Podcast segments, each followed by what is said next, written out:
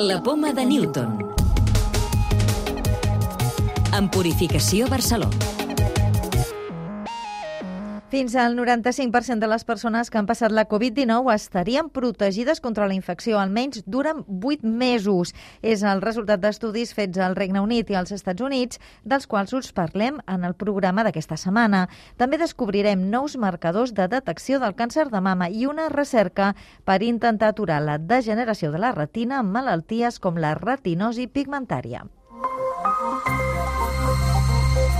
Haver patit la Covid-19 ens podria protegir almenys durant 8 mesos, segons dos estudis que confirmen que el virus genera immunitat diversa, no només d'anticossos, sinó també celular. Ens ho explica en Pere Joan Cardona, investigador de l'Hospital Germans Trias i Pujol, i Gemma Montconill, del Centre IS Global de la Caixa. La infecció genera aquesta immunitat robusta, celular i humoral, per tant tenim nivells d'anticossos importants, tenim aquesta immunitat celular i, per tant, eh, tot fa preveure doncs, que, que això també segurament es podrà expandir a la vacunació.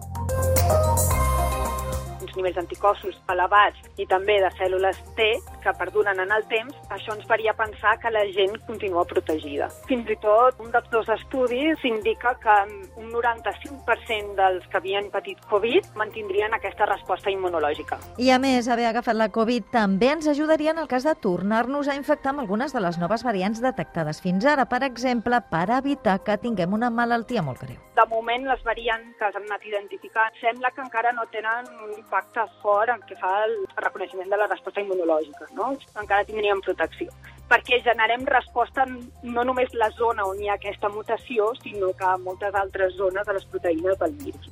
Tot i això, les persones que han passat la infecció també s'haurien de vacunar perquè això potenciaria encara més la seva immunitat o la podria allargar en el temps.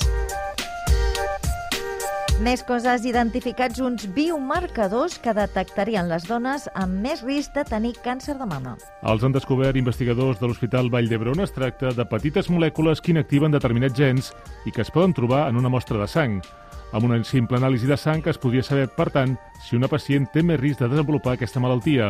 Matilda Leonard, cap del grup de recerca biomèdica de Vall d'Hebron. Antes de que haya signos de un tumor bien palpable por parte de la paciente o detectable a nivel de imagen médica, se pueda detectar por una técnica que es una simple analítica, que no es nada agresiva, nada invasiva, con una sensibilidad, exactitud y fiabilidad del 90%. Trasplantar cèl·lules mare modificades pot ajudar a aturar el procés de degeneració de la retina. És el resultat d'un estudi amb ratolins d'investigadors del Centre de Regulació Genòmica. Han descobert que les cèl·lules retinals moribundes envien un senyal a les cèl·lules mare perquè reparin el dany ocular.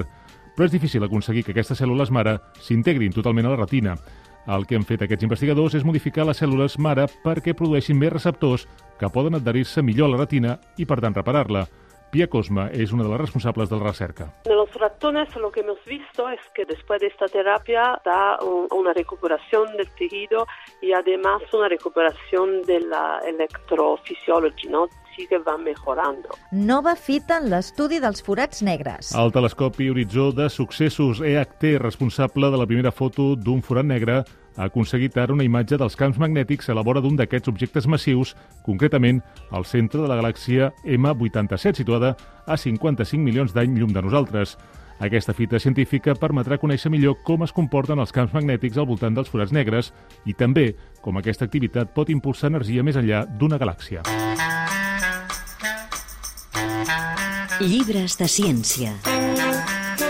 Avui us recomanem una obra escrita per un dels responsables del descobriment del bosó de Higgs, el físic del CERN i professor de física de la Universitat de Pisa, Guido Tonelli.